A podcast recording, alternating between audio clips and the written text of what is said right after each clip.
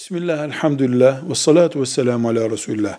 Meşhur hadisi şerifi var Efendimizin sallallahu aleyhi ve sellem buyuruyor ki, La yedhulul cennete men la ye'menu caru bevaikahu.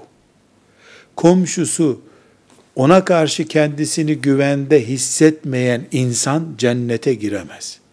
La yedhulul cennete, cennete giremez ifadesini alimlerimiz kafirdir manasını anlamamışlardır. Çünkü bu suç imandan e, çıkaran bir suç değildir. Komşuyu rahatsız etmek, merdivenlerde gürültü yapmak mesela.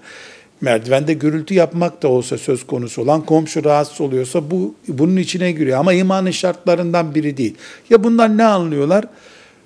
Ben Resulullah sallallahu aleyhi ve sellem yasaklamış olsa bile bunu caiz görüyorum diye bir çıkış yapsa Allah muhafaza buyursun dinden çıkmış olur.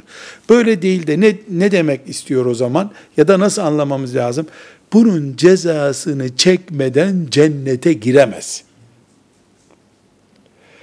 Mezarından dirilip mahşerden direkt cennete girmesine engel olur bu. Komşusuna eziyeti bir kul hakkıdır. O kul hakkı onun karşısına çıkar ve cennete girme sürecini engeller. Sonra helalleşme sağlanır da girer diye anlamışlardır bunu. Velhamdülillahi Rabbil Alemin.